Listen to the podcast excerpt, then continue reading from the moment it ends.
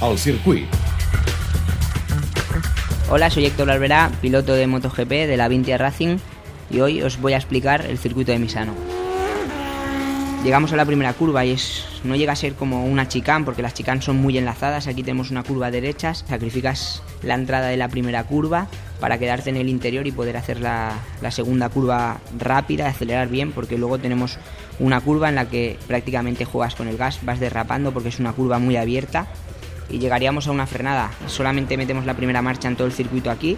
Enseguida das un golpecito de gas, pones la segunda marcha, sales de la curva 5, que es una curva parecida a la 2, en la que sacrificas un poco la, la salida de la curva para salir rápido de la siguiente curva que es muy importante porque es la recta bastante larga. Aquí sí que llegamos a apoyar la sexta, donde se puede adelantar bastante bien. Llegaríamos a la siguiente frenada, que es la curva 8, donde aquí sí que hay una posibilidad de adelantar y es una curva que tiene bastantes trayectorias porque es muy ancha.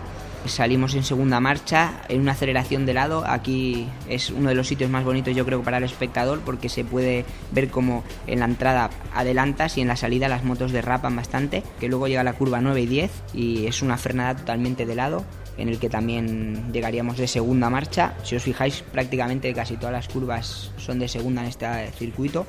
La siguiente curva que es la curva 10 frenas, como os decía, de lado y llegas a la recta más larga de todo el circuito. Ponemos la sexta, quitamos el gas, nos metemos en una curva rápida que se debe pasar pues 240 seguro, es muy rápida.